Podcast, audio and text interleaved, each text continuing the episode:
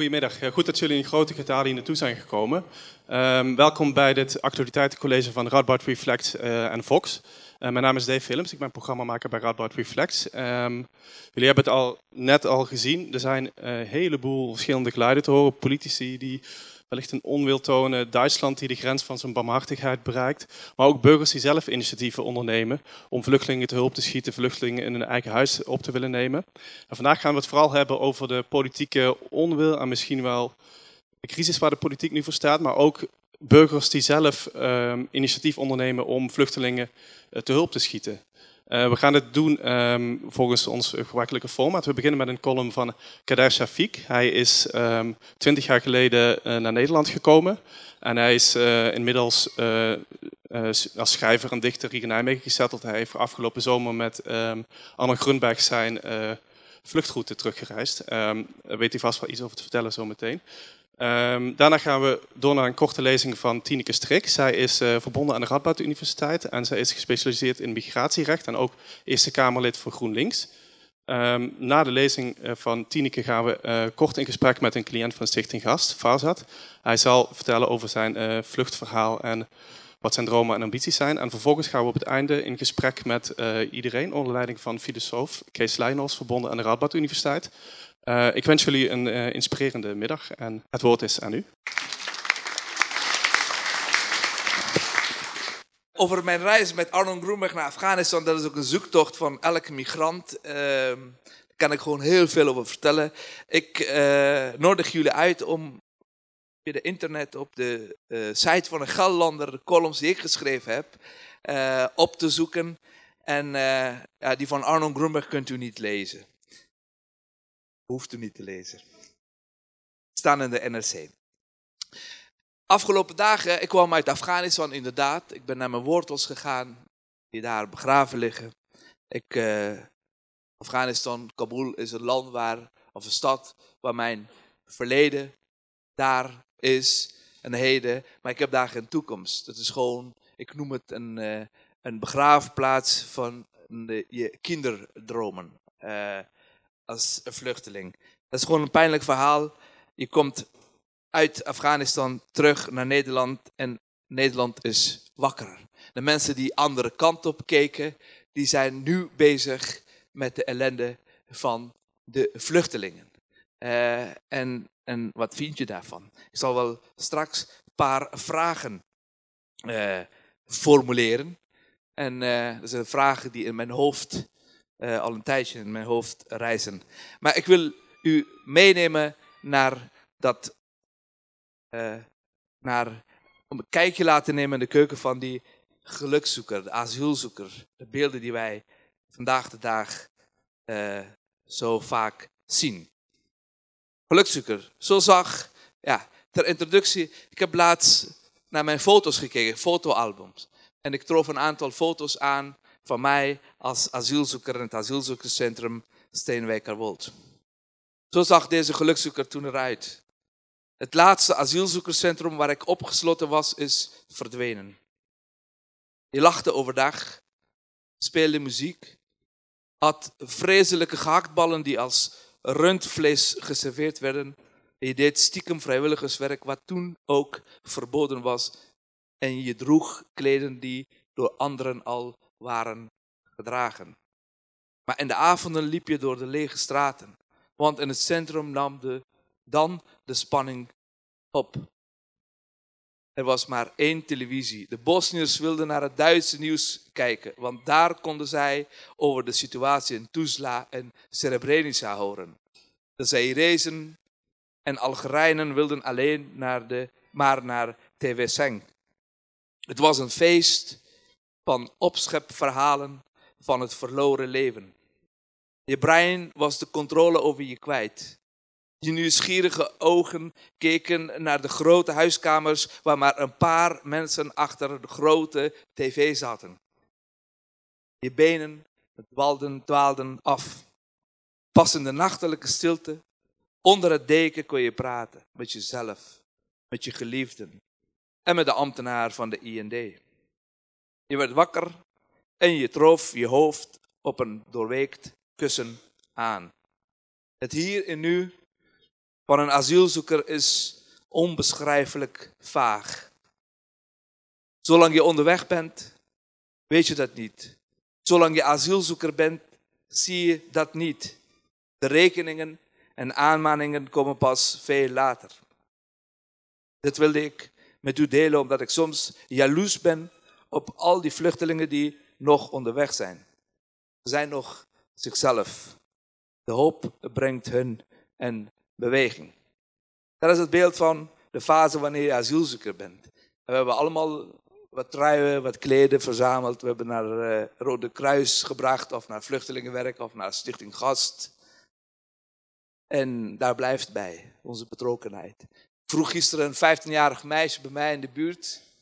Uh, wat vind je als vijf huizen hier beschikbaar worden gesteld aan vluchtelingen? Nee, want ze wilden niet dat ze zo dichtbij uh, komen.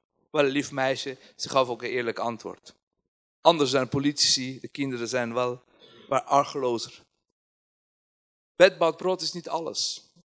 Wat hebben wij twintig jaar geleden, er is een waarnemer voor deze vluchtelingen betekend? Aarden aan de Waal. Fase 2. Het migrantenbestaan kent momenten waarop de pijn van ontworteling hevig gevoeld wordt.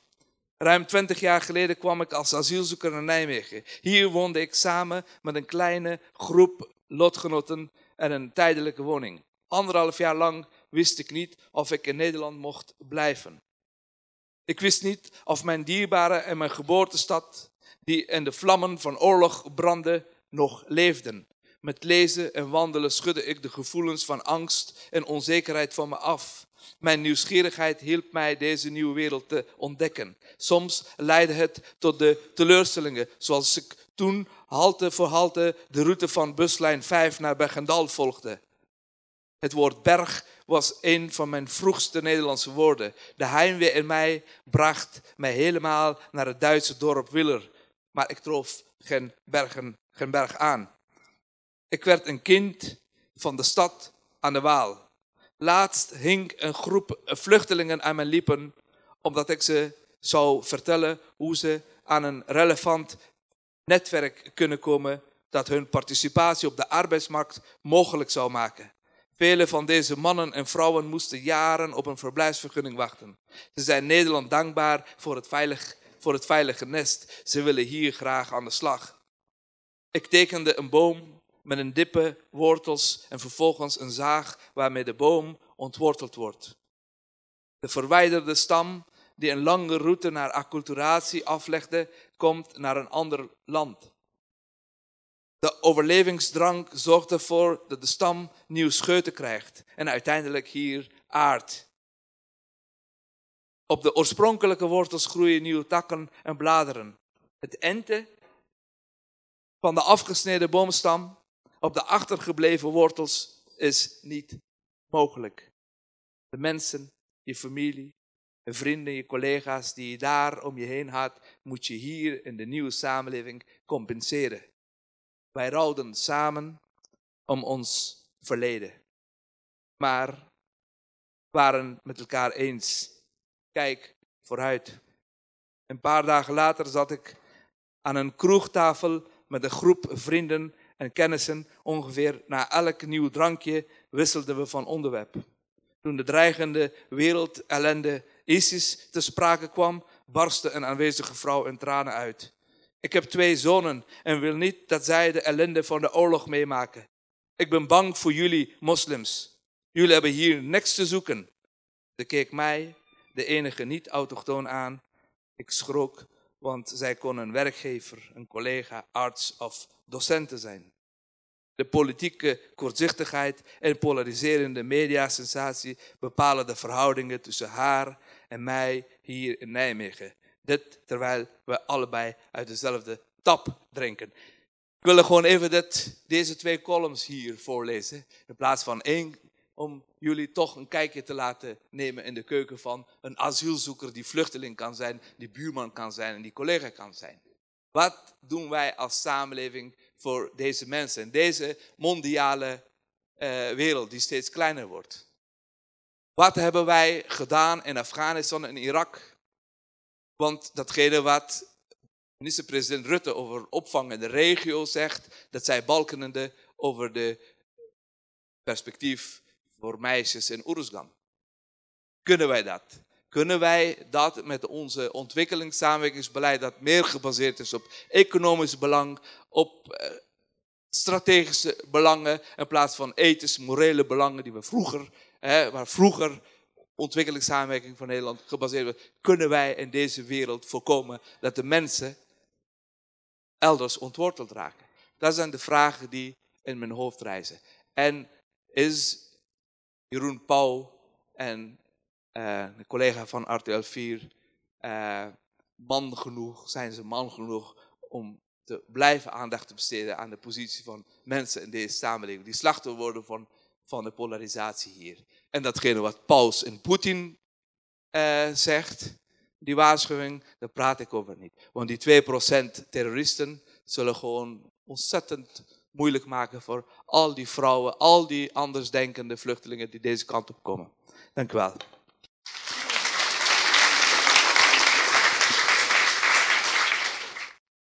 Dankjewel, Kader. Heel mooi uh, verhaal. En ik zal er ook op terugkomen als we het hebben over ja, wat kunnen burgers eigenlijk doen voor, uh, voor de asielzoekers die hier komen. Uh, dankjewel, organisatie. Dankjewel voor de uitnodiging en ook jullie voor de opkomst.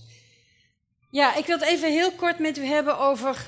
Zijn wij nu verrast door de komst van de tienduizenden asielzoekers die nu aan onze poorten staan? En is dat terecht? Uh, wat is eraan vooraf gegaan? Wat is nu uh, het huidige conflict tussen de EU-landen over hoe om te gaan met de asielzoekers? En wat zou eraan gedaan kunnen worden? En wat kunnen mensen als individu zelf aan dit probleem doen? Ja, zijn we deze zomer verrast? Het lijkt erop van wel. Dat lijkt in één keer een paniek te zijn uitgebroken. Uh, en dat is ook wel begrijpelijk als je de beelden ziet van de tienduizenden mensen die aan de grens van Hongarije staan of op de stations in Hongarije en uh, geen uitweg meer hadden. Maar toch is het niet logisch dat ook uh, de bewindspersonen en de regeringen zich hebben laten verrassen. De problemen zijn al 4,5 jaar geleden ontstaan, namelijk met het uitbreken van de oorlog in Syrië. Uh, ook toen al, in de zomer van 2011, heeft Turkije in alle vluchtelingenkampen moeten oprichten om uh, uh, de eerste aankomst van Syrische vluchtelingen te kunnen opvangen. Dat is alsmaar doorgegaan. Die landen, Libanon, Jordanië en Turkije, zijn compleet volgelopen. Uh, misschien, ik weet niet of u Buitenhof van zondag heeft gezien, Sigrid Kaan, dat is een uh, Kaag, dat is een VN-gezant die in Libanon gestationeerd is. Buitengewoon de moeite waard om even te, terug te kijken, want zij beschrijft heel scherp wat de situatie nu is in Libanon. Uh, Libanon, zoals u misschien wel weet, vangt anderhalf miljoen vluchtelingen op, Syriërs, terwijl het maar een landje is van 4 miljoen. Uiterst fragiel landje ook. Ze hebben nu uh, de voedselrantsoen terug moeten draaien, zakgeld terug moeten draaien. Syriërs mogen niet werken, kinderen volgen geen onderwijs. En ze hebben, omdat ze de druk niet meer aankunnen, de grens met uh, Syrië dichtgegooid. Dat betekent feitelijk dat nieuwe Syrische vluchtelingen, die voor IS of voor Assad vluchten, voor een gesloten deur komen te staan bij hun buurlanden. En dat is nou precies tegen de kern van het vluchtelingenverdrag. Dat je altijd moet voorkomen dat mensen niet hun land kunnen ontvluchten waar ze gevaar uh, te vrezen hebben. Nou, wat vraagt die regio al heel lang? Meer geld om die opvang ook te kunnen realiseren. En meer vluchtelingen die worden overgenomen door andere landen.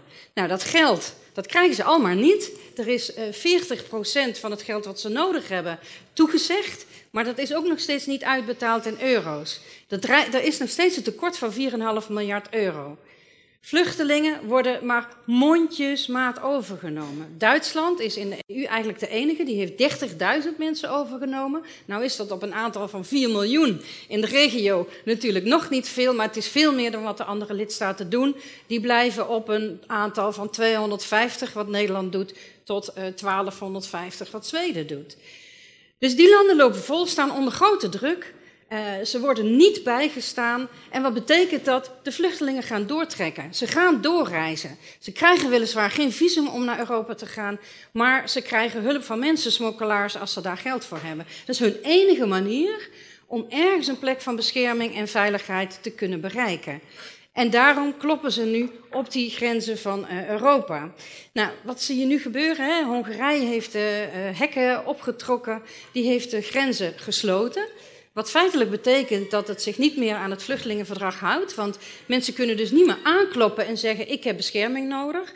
Ze blijven achter in Servië of andere landen, terwijl die landen niet die uh, garanties bieden op asiel.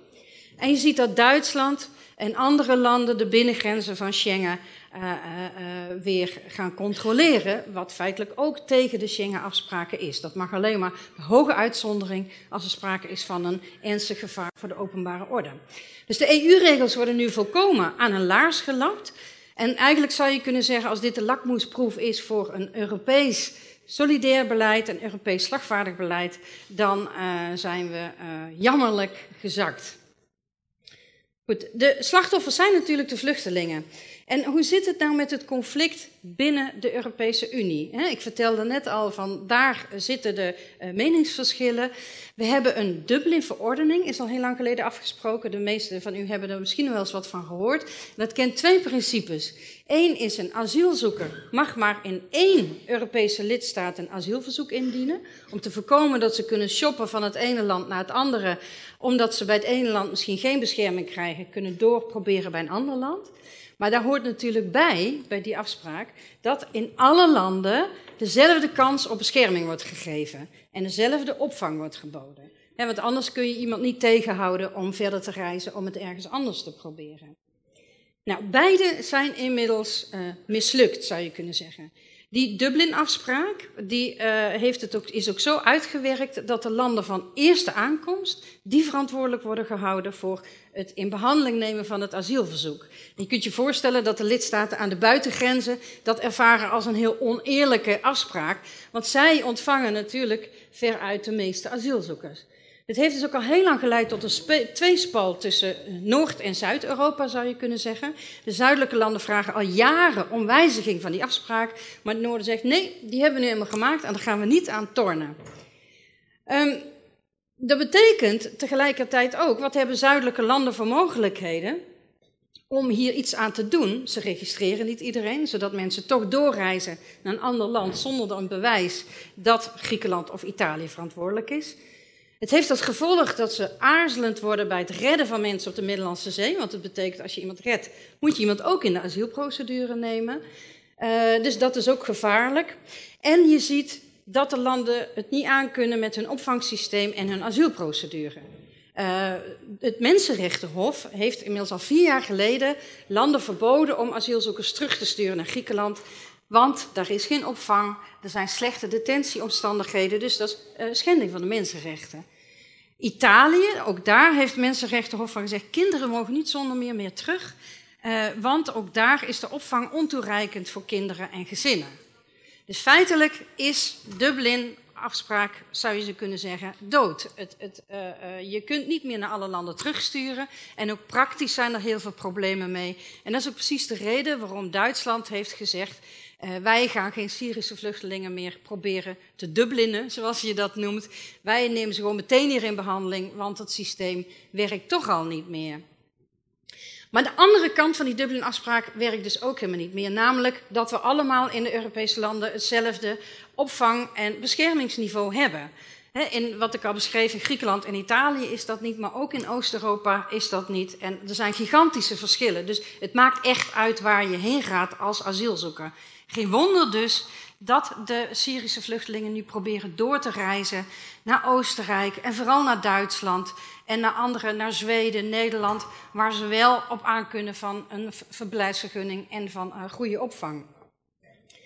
Um, ja, het werkt dus niet meer. Uh, er is geprobeerd door de Europese Commissie om uh, een, een, doorbraak te forceren. Dat was al voor de zomer. Hè. Toen hebben ze gezegd, laten we in ieder geval afspraken maken voor een, een aantal asielzoekers die uh, te veel in Griekenland en Italië aankomen, dat we die herverdelen. En het voorstel was om uh, dit jaar 20.000 mensen te herverdelen en volgend jaar ook 20.000. Nou, dat is met heel veel pijn en moeite zijn de lidstaten daarmee akkoord gegaan.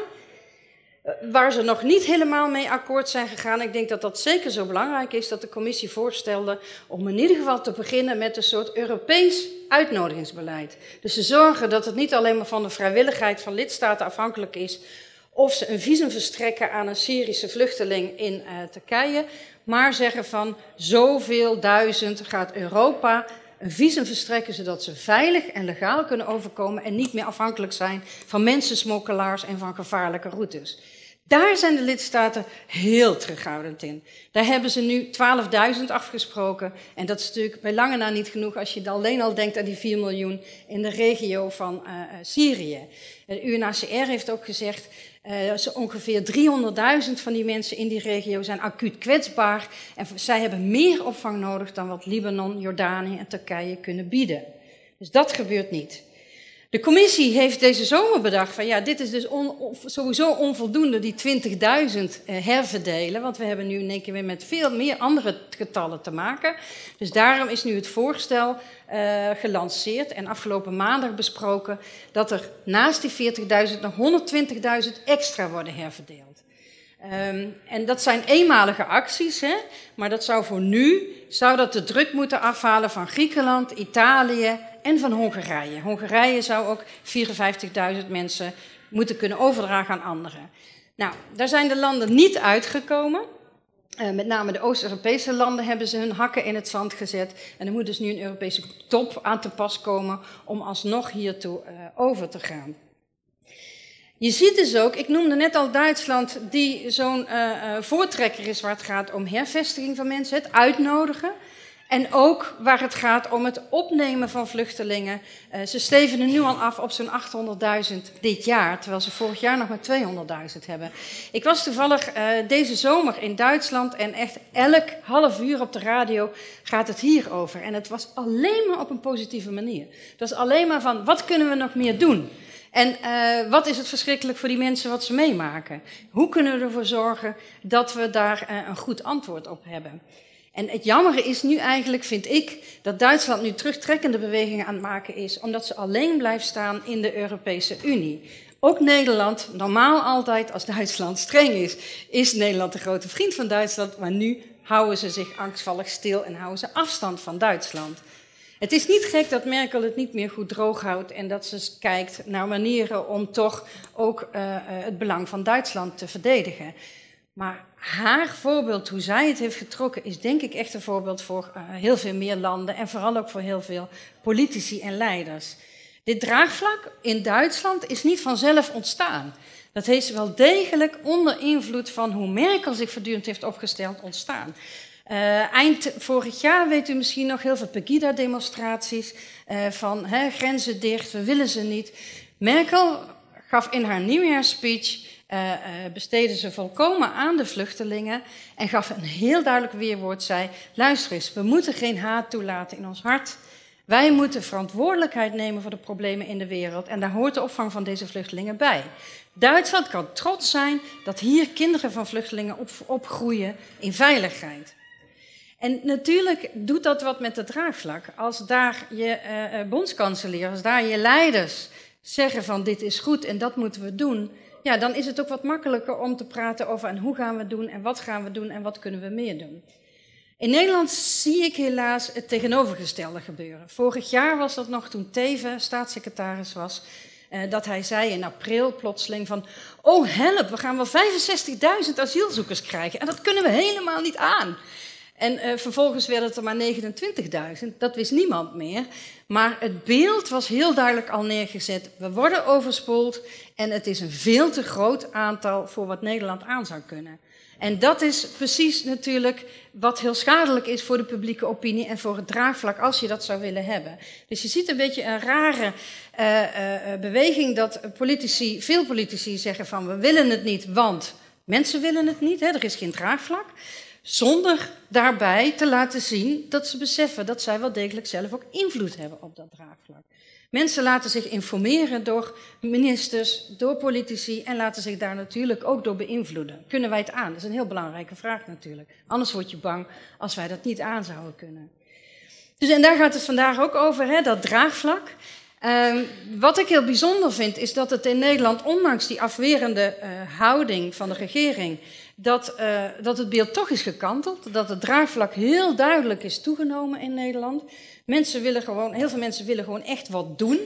En dat past ook heel bij, wat ik de afgelopen jaren heb gezien in lezingen voor uh, zalen waarin ik merkte, ook heel betrokken mensen die zeiden van ja, ik sla voortaan die krantenpagina's maar over, want ik kan er gewoon niet meer tegen. Ik kan er toch niks aan doen en het maakt mij machteloos en somber.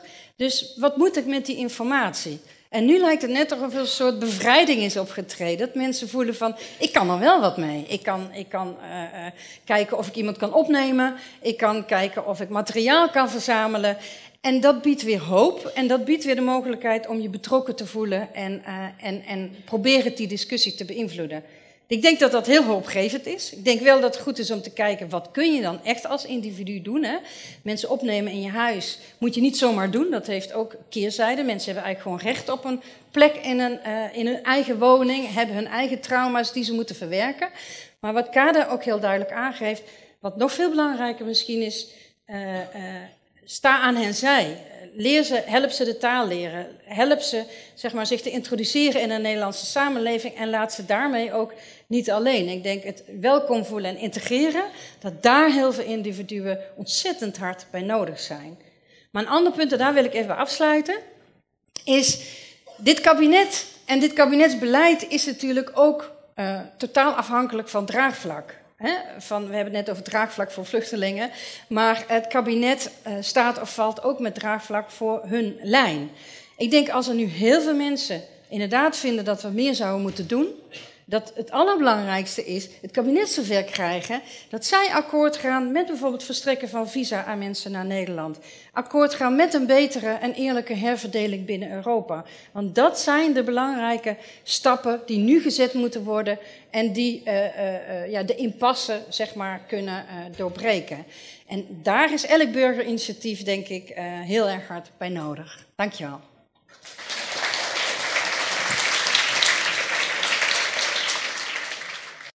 We hebben hier een uh, Farzad. Uh, welkom, dankjewel dat je hier uh, bent. Je, bent je wordt opgevangen door de stichting Gast. Je kunt nog even zitten, je komt er zo weer bij, Tineke. Um, kun je iets vertellen, wanneer ben je hier gekomen, Farzad? Goedemiddag allemaal. ik kom bijna vier jaar geleden. En waar kom je vandaan? Hoe Iran. ben je hier gekomen? ik kom uit Iran. ik woon bijna vier jaar in Nederland. En, uh, hoe kwam ik in Ja. Nederland? Ja, eerst ik kwam uh, naar Turkije, Mhm. dan Griekenland, dan uh, Frankrijk, dan Nederland. En, en eh, ben je op dezelfde manier gekomen als we nu op televisie nee, met zien? de smokkelaar. Met smokkelaars? Ja. En, en heb je onveilig gevoeld? Hoe, hoe, hoe was die, die Nee, eh, wa- reis? Onderweg, Ja. ja, was heel uh, echt gevaarlijke weg. En was uh, altijd met stress, met, uh, ja, soms met boot, soms met uh, auto, soms met een vliegtuig. Mhm. En nu ben je in Nijmegen. Eh, hoe, hoe breng je je dagen door? Hoe, hoe is het voor jou om hier te zijn in, eh, in Nijmegen? Nijmegen, voor mij is goed.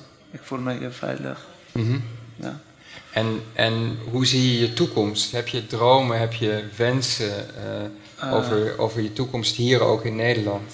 Ja, het, uh, eigenlijk ik woon vier jaar hier en drie jaar illegaal. Mhm. En ik was uh, één jaar alleen legaal in AZC. Maar ik kan zeggen, uh, donkere toekomst Mhm. en hopeloos. Mhm. En, en, en hoe, wat doet dat met je? Hoe voel je je daarover dat je toekomst zo onzeker is? Het is onzeker, want ik kan niet zeggen wanneer ik, ik, niet alleen ik, en uh, kan alle uh, vluchtelingen zeggen ze, dat ze zijn illegaal. Kan niet zeggen wanneer we hebben een normale leven krijgen. Mhm. Mhm.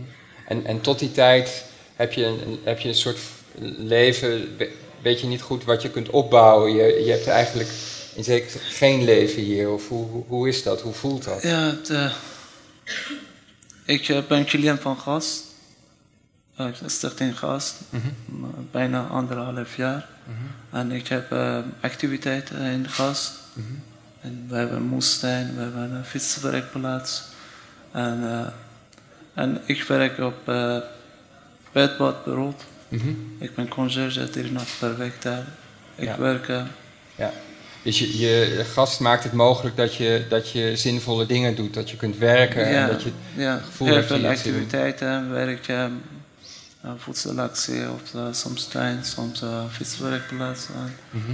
Uh, heel veel dingen. En Mhm. we hebben ook vluchtelingen mag komen is woensdag Mhm. naar de Stichting Gas, naar de café. Mhm. En Ja. we hebben hulp gekregen van de Stichting Gas. Ja. Dus die, daar word je echt goed door geholpen. Dat eh, Ja, maakt je leven hier wel in ieder geval wel beter. Ja, beter. Ja, Ja, maar, maar het gevoel blijft onzeker, donker, zeg ja, je. ja, ja, ja, tuurlijk. Ja. Ja. Wa- wa- Wat doet het? We hebben nu een discussie hier en we zagen televisiebeelden. Er is, een, er is gebeurd heel veel nu met vluchtelingen. Doet dat ook iets voor jou? Hoe, hoe, hoe volg jij eh, dit op televisie of, of hoe dan ook? Ja, uh, sorry, mijn Nederlandse taal niet zo veel goed. Ik kan Je niet doet zo het fantastisch. goed Ja. uitleggen. Ja. Maar ja, we zijn zorgen, ja, heel veel mensen uit Syrië, uit Irak komen. Mhm. Dat ook. Uh, Oké, dankjewel. Ga even, zi- ga even zitten, want zometeen eh, vraag ik je weer, eh, weer terug. Nee, blijf, sorry, blijf, blijf staan. sorry, kom maar. Kom maar. Sorry, blijf staan. Eh, ja. Sorry. Ehm, want ik denk eh, met het oog op de tijd, ehm, ik kan allemaal vragen verzinnen. Misschien één vraag, Tineke, aan- nog aan, eh, aan jou. Eh, je hebt geschetst wat er nu gebeurt en vooral ook wat er niet gebeurt. Hè? Dus wat, wat politici eigenlijk niet voor elkaar krijgen. Ehm, eh, ik, ik wil je misschien vragen, hoe optimistisch ben je? Dat is de eerste vraag. En de tweede vraag is, stel je bent de baas van de Europese Unie. Eh, noem mij drie stappen die we zouden moeten ondernemen om dit op te lossen. Hmm. Dus één, wat is je stemming hierover? En twee, stel in een ideale wereld dat we het met z'n allen wel voor elkaar zouden kunnen oplossen. Wat doen we dan? Ja, ja ehm, ik was eigenlijk optimistisch toen Duitsland eh, heel duidelijk zei: die Dublin-verordening werkt niet meer, die moeten we gaan veranderen. Ik dacht, nou, als Duitsland zoiets zegt, zo'n machtige lidstaat, dan moet er wel iets gebeuren. En het heeft me wel somber gemaakt dat, dat ze zo alleen zijn komen te staan. Maar ik, ik blijf optimistisch als Duitsland volhoudt. En de Europese Commissie staat daarachter. En het Europees Parlement zou zich ook meer gaan roeren. Dat er op een gegeven moment dat er toch iets moet. Kijk, die paar Oost-Europese landen, daar kunnen we het niet door allemaal laten afschieten. We hebben ook besluitvorming bij eh gekwalificeerde meerderheid. Hè, dus we hebben niet iedere stem nodig. Ik zou zeggen. eh, eh, Ja, maar dan. Ja. ja, precies. Dat komt dan wel. Ja, wat is nodig? Drie is misschien weinig. Oké, Misschien vijf. oké. Kijk, eh, het, Als je maar kort vertelt. ja, wat heel belangrijk is, is eh, de opvang in de regio moet veel meer ondersteund worden. Eh daar moet veel meer geld naartoe. Want nu hebben mensen het gewoon hebben tekort aan alles. Dat is één. Twee, we moeten wel hun druk verlichten. Dus dat betekent dat we veel meer mensen moeten uitnodigen uit die landen, zodat ze niet van smokkelaars afhankelijk zijn en gevaarlijke routes. Twee. Drie is een veel eerlijke verdeling eh, van de asielzoekers die zich eh, spontaan melden in de Europese landen. Eh, echt eerlijke verdeling. Vier, we moeten zorgen dat er echt dat de asielnormen die we hebben afgesproken in alle landen ook daadwerkelijk worden nagekomen. Dus dat er overal goede opvang is, een zorgvuldige asielprocedure, recht op beroep, et cetera. Ik denk dat dat de vier belangrijkste dingen zijn. Oké. Waren Ja, en, en, en vijf, maar goed, dat, dat reikt heel ver. We moeten natuurlijk ook wel kijken hoe we dit soort oorzaken beter kunnen aanpakken. En dat vergt gewoon een heel integraal, heel breed beleid. En niet pas beginnen als er een conflict Ja, maar het uitkomt. is veel meer lange termijn. Ja. Ja. Kader, hoe volg jij deze debat? Wat, wat, wat doet dit met jou? Eh, ik kan me voorstellen dat je daar je eigen perspectief op hebt. Ja, ik, ik, ik ben een, een product van het einde van, eh, eh, van, eh, van de onbalans, of het begin van de onbalans in de wereld, de jaren 90. Tineke zei ook straks over Duitsland hè, van 20 jaar geleden. Ik heb voor Nederland gekozen juist voor een humaan asielbeleid. Eh, want op dat moment, in eh, 92, 93, had Duitsland haar asielbeleid verscherpt. Eh, België ook.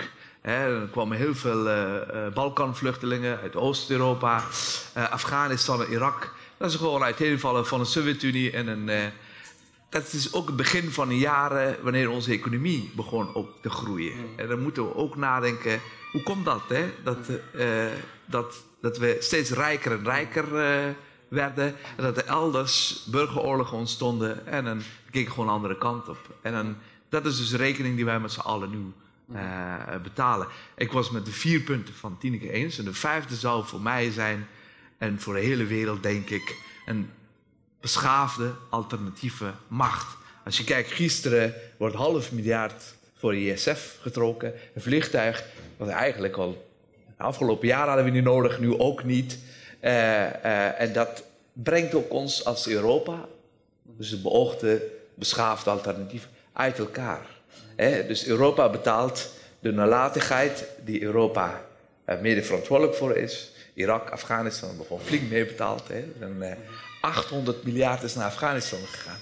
Terwijl nu wordt weinig verteld dat een aanzienlijke deel van de vluchtelingen, met name jongeren die deze kant op komen, dat zijn Afghanen die, voor wie de democratie, mensenrechten, perspectief op onderwijs en arbeid was beloofd. Waar is dat geld naartoe gegaan? Dat betekent dat nummer vijf een coherent buitenlandbeleid, een coherent ontwikkelingssamenwerkingsbeleid. Dat je bijvoorbeeld als burgers, als Europa nadenkt over een vestigingsklimaat voor bedrijven die belastinggelden uit Afrika uh, uh, ontlopen. Of dat een goede zaak is. Of dat niet veroorzaakt dat heel veel Afrikaanse jongeren opgeleid deze kant op komen. Dat zijn dingen die, waar ik dan, dus doet pijn. Dus ik ben wel een, in die zin wel een ervaringsdeskundige. Ik zag hoe ellende groter werd in Afghanistan en hoe de wereld, hè, want ik kwam juist naar Europa, want ik had grotere verwachtingen van Europa. Een model die je eigenlijk in meerdere regio's van de wereld kan realiseren. We hebben defensie niet nodig, we hebben oorlogen niet nodig. Dus dat is Syrië dat we kunnen voorkomen. Mhm. Ik ben bang dat we dadelijk ook omwille die geopolitieke belangen naar Noord-Afrika gaan. Mhm. En wat voor gevolgen dat zou hebben. Helder. Dankjewel. Het is, uh, gelegenheid is nu aan, uh, aan jullie als uh, publiek. we hebben één, twee, één, twee loopmicrofoons. Ik zou zeggen, steek je hand op en wacht even tot de microfoon komt. En spreek duidelijk in de microfoon en wees vooral heel kort met je vragen. en zeg er even bij voor wie de vraag bedoelt. Dus wie kan ik het woord geven? Ja, dat is handig. Ja, ik kan het wel openen. er spelen heel veel vragen in mijn hoofd, dus ik ga er gewoon eentje stellen. Um, um, ik denk dat we het erover eens kunnen zijn dat als, we, als mensen uit oorlogsgebieden komen, dat het dan als eerste nodig is om een legale status te hebben in een land waar opvang mogelijk is. Um, en wat is er daarna nodig om niet alleen veilig te zijn, maar ook op eigen benen te kunnen staan? Dus wat heb je nodig om uh, echt zeg maar, te aarden in een samenleving? Dat is misschien een vraag voor de heren op links. Ja. Tineke misschien eerst en dan... Ja, um, ik, ik, denk dat daarvoor heel belangrijk is dat de overheid alle mensen alle kansen biedt en goede ondersteuning om de taal te leren en hun weg te vinden in, in het nieuwe land, zeg maar, en op de arbeidsmarkt. Wij hebben, het is geen, geen propaganda, maar er is een, een GroenLinks-motie vorige week aangenomen. Die heeft gezegd, asielzoekers moeten vanaf dag één meer mogelijkheden krijgen voor uh, onderwijs en voor werk. Ik denk dat dat heel belangrijk is. En die, je legaal bent, dan zijn die mogelijkheden er toch? Of niet? Begrijp ik iets verkeerd? Nou nee, daar kan nog veel meer op gebeuren. Dat is, uh, we, we, zagen laatst ook op Nieuwsuur weer een rapportage die liet zien hoe lastig het is voor vluchtelingen om de Nederlandse taal te leren, omdat ze heel veel hun eigen weg moeten zoeken. En uh, dat is waar, asielzoekers, die uh, hebben nog geen status. Maar het zou ook heel goed zijn als zij al meteen kunnen beginnen met de taal te leren en te kunnen werken. Want soms kan het wel een jaar duren voordat ze die vergunning krijgen. En dan hebben ze al een jaar achterstand. Dus uh, zo snel mogelijk beginnen. En dat is denk ik ook iets wat iedereen kan doen. Hen bijstaan met uh, taalmaatje zijn en wat dan ook. Om hen te begeleiden. Ja, ja uh, een aantal jaren geleden of, werd voor AMA's gezegd optioneutaal, optioneutaal onderwijs. Ja, inderdaad, vang de mensen op. Allemaal. Geef ze drie jaar de tijd hè, om op tot adem te komen. Want dan komen ze uit oorlogsgebieden. En in die drie, jaar tijd kan je ook ze onderwijs bieden, optioneutraal. Dat betekent dat iedereen op basis van de wensen en behoeften en een elders verworven competenties hier toegerust worden. Maak ze allemaal automonteur wat ze willen, of, of uh, IT, uh, IT'er en een En als blijkt dat zij niet hier kunnen blijven en dat ze wel mogelijkheden hebben om terug te gaan, hè, moet ook humaan en eerlijk rechtvaardig blijven, ook asielbeleid, dan geven we gewoon landen van herkomst de vitale mensen weer terug, hun kinderen. En dat is de beste ontwikkelingshulp die je zou kunnen bieden aan deze landen. En dan kunnen ze ook in drie, drie jaar tijd zelf die keuze maken. Geven we gewoon een, een, kist met uh, gereedschappen, dan gaan ze weg. En uh, vers 2 ben ik met Tineke eens. Alleen taal, alleen maatschappelijke begeleiding is niet belangrijk. Want je moet ook kijken naar wat heb jij gedaan. En, en uh, wat is je achtergrond? En hoe kunnen we jou, met alle respect, lieve mensen, betrokken mensen die bij vluchtelingenwerk betrokken zijn, maar ze kunnen niet je helpen met, bij een goed perspectief. En dus je betekent dat je vroegtijdig moet als samenleving betrokken blijven. Dat je zegt, oké, je was smid of je was uh, IT'er, dan brengen jou met die netwerken en dan zijn mensen die jou helpen en, uh, en de werkelijkheid hier uh, onder ogen te krijgen. En dat is essentieel voor aarding, voor, voor, voor inburgering. En daar hebben we als samenleving ook ja. Misschien nog ter aanvulling één opmerking. Je ziet ook dat heel veel hooggekwalificeerde vluchtelingen hier in laag betaalde banen terechtkomen. Om, bijvoorbeeld omdat hun diploma's niet worden erkend of dat ze daarin te weinig begeleiding krijgen ja. om het werk te doen wat ze feitelijk al deden of, of aan kunnen. Ja. En dat zou hun integratie ontzettend veel te goede komen als hen daar wel meer mogelijkheden Ja, maar ik hoor Kader ook zeggen dat uh, de, de er zijn heel veel burgerinitiatieven die doen. Er is natuurlijk inderdaad de Stichting Gast, die Varsat ook uh, opvangt. Maar we, we, we, zouden meer moeten doen. We zouden meer perspectief Absoluut, moeten bieden. En dat is toch iets aan de overheid, meer dan alleen een burger is. Maar kijk, we zien Farzad als asielzoeker, als vluchteling. Ja? En terecht ook. En hij heeft behoefte aan perspectief. Hij moet gewoon uit het, uit het, uit het, het vicieuze cirkel van van, uh, uh, uh, uit de afhankelijk. Hè. Hij moet gewoon, hij moet zelf, hij heeft, hij heeft de potentie. Ja. We hebben niet gevraagd, wat heb jij in Iran gedaan? Ja. En wat zou jij hier willen doen? En dat zijn die vragen die... die mm -hmm. En dan, dan is hij goed. Kijk, op het moment dat in, in, ik, we delen... We zijn heel goed in het delen van zwem, zwembanden. Mm -hmm. en ik loop nog steeds vluchtelingen tegen die twintig jaar lang met die zwembanden lopen. Mm. Wij moeten leren, mensen leren zwemmen. Mm. De ene leert sneller, de andere wat, hè? Ja, maar daar moeten we adem voor hebben. Dankjewel. Ja. Nou, volgende vraag, hier. Ja. Zijn soms wat moeilijk te bereiken, maar... Ja, dankjewel. Uh, ik heb een vraag voor mevrouw Strik. Um, hoe kijkt u aan tegen het terugstuurbeleid van de staatssecretaris naar Hongarije toe, in acht nemende de uitspraak van het Hof uh, Griekenland en Italië? Ja, ik vind dat dat nu absoluut niet kan. Uh, de asielzoekers die worden daar opgesloten of ze worden zo snel mogelijk weggejaagd. Als je kijkt inderdaad naar de hofuitspraken, hè, welke criteria het Hof heeft aangelegd. Er moet menswaardige opvang zijn. Uh, er mag geen risico zijn op terugsturen. Dat is bij Hongarije ook nog de vraag. Uh, zou ik zeggen, nu niemand meer terugsturen naar Hongarije, absoluut. Ja. Dus gewoon niet in lijn met uh, de uitspraak van het Hof. Heel, heel duidelijk antwoord, dankjewel Tien. Volgende vraag. Uh, dankjewel jullie wel voor deze interessante lunchlezing. Ik wil het hebben over naïviteit. Enerzijds naïviteit van Radboud Reflect. Um, we hebben een uurtje, anderhalf uur om dit te bespreken. Misschien moeten we Radboud Reflect Refugee Day organiseren om hier de hele dag over te spreken. Um, tweede, naïviteit van beleid aangaande um, asielstromen. En de vraag is nou, aan Verzaat, hallo ook uh, aan de andere twee misschien. Er wordt alleen gekeken als het gaat om verdeling, met name over de belangen van de landen zelf.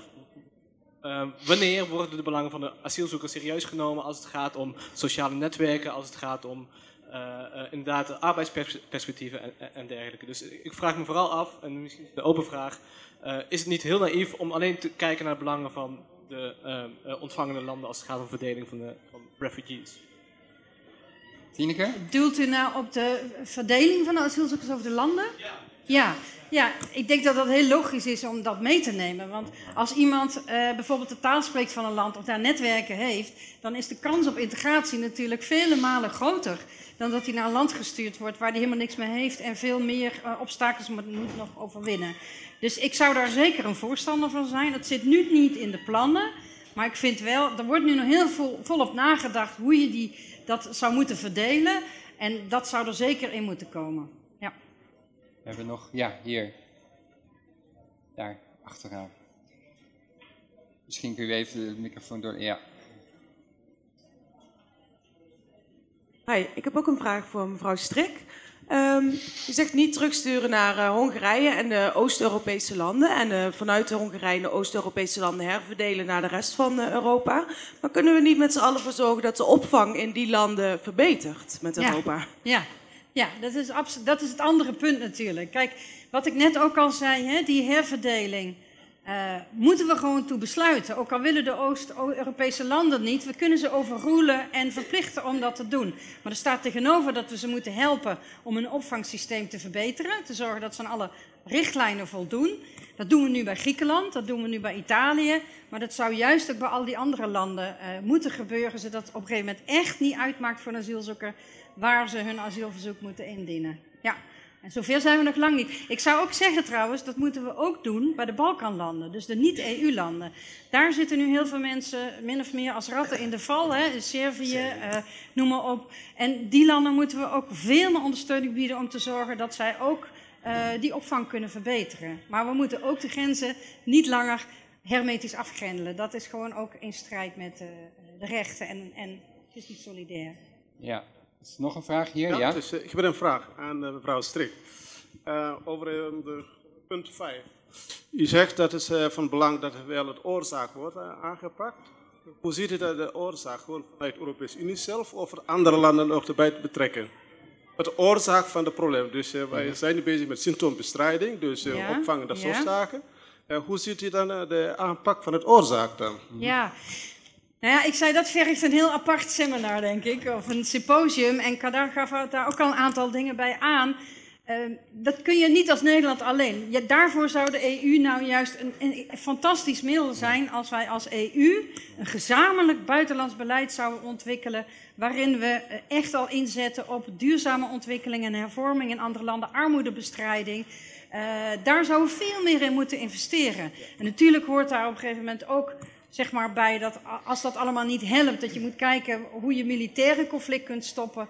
Maar als je daarvoor helemaal niks doet, dan is zo'n discussie blijft een beetje gek. En nu zitten we met Syrië met het probleem dat er heel lang niks aan is gedaan en dat het nu, nu zie je een coalitie die IS wel bestrijdt en daarmee feitelijk Assad uh, een beetje in het zadel uh, houdt. Uh, dat, dat vind ik een hele vreemde politiek. Um, ja, daar zouden we echt beter naar moeten kijken hoe we dat kunnen. Dus wederom het Europese, met name ja, het Europese buitenbeleid. Kadar, jij wilde Ja, maar ook aansluitend aan andere landen. Je moet gewoon ook terug naar de VN-afspraken. Dus je, je gewoon op, op wereldniveau.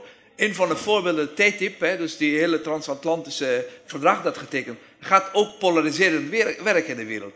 In Afrika, waar grondstoffen op dat moment belangrijk zijn, waar vele conflicten daar, uh, om die grondstoffen gaan, daar hebben we China nodig, daar hebben we Russen nodig, hebben we Brazilië nodig. Dus een VN-verband, dus niet alleen Europa met Amerika. Nee, gewoon een internationaal moet je kijken naar de oorzaken en okay. oplossingen. Dat is helder. Dus denk ik nog één vraag, uh, ruimte voor één vraag. Als je...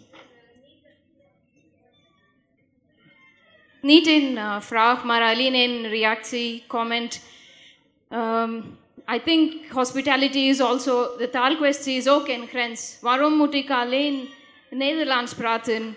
Uh, want de gastvrijheid is ook dat andere mensen kunnen, wij kunnen ook andere talen leren en wij kunnen ook in meertaligheid deze discussie doen. Want uh, ಇವಾಗ ನಾನು ಇಲ್ಲಿ ಕನ್ನಡಲ್ಲಿ ಮಾತಾಡಿದ್ರೆ ನಿಮಗೆ ಯಾರ್ದು ಯಾರಿಗೂ ಅರ್ಥ ಆಗೋದಿಲ್ಲ ಯಾಕಂದರೆ ಅದು ನನ್ನ ನನ್ನ ಭಾಷೆ ಅದು ಬಟ್ ದೇಸ್ ಇಸ್ ದ ರಿಯಾಲಿಟeit van de uh, vluchtelingengebied. En wij moeten alleen niet denken over, oké, okay, throw some clothes, throw some food, open my house, ja. materiaal denken.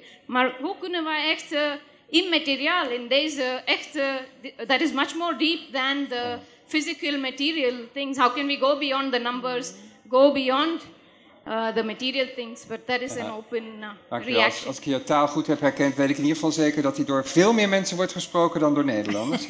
Ehm, ik, ehm, ik wil, moet afsluiten. Eh, iedereen moet weer terug naar zijn werk. Dat is nou eenmaal het format van deze eh, eh, actualiteitencolleges. Eh, we spreken net al gelijk, we moeten natuurlijk hier veel meer aan doen en veel meer tijd aan besteden. Mocht je met name student zijn en eh, je afvragen wat kan ik gewoon doen, heel concreet, behalve misschien geld overmaken. Je kunt heel veel doen. Eh, je kunt heel veel doen. Bijvoorbeeld eh, zorg ervoor dat je een lekker band hebt. En laat hem repareren door de mensen van Stichting Gas. Dat is maar één voorbeeld. Meer voorbeelden vind je op een artikel dat vanmiddag verschijnt op Voxweb. Eh, wat vooral veel praktische raad geeft over wat je kunt doen hier en nu in deze stad ehm, om eh, vluchtelingen eh, te helpen. Laatste nieuws hoor ik net, iets van 20 minuten geleden, is bekend geworden dat Nijmegen, de gemeente Nijmegen, 4000 eh, vluchtelingen gaat opvangen in een tentenkamp in Heumensoord. Dus we krijgen er nog 4000 mensen bij hier in Nijmegen, dus de hulp is ook heel erg nodig. Dank jullie wel allemaal dat jullie eh, hebben bijgedragen. Dank jullie voor je eh, aanwezigheid, eh, je aandacht en je vragen. Namens Radboud Reflex, mijn naam is Kees Leijners. Dank jullie wel dat jullie hier waren.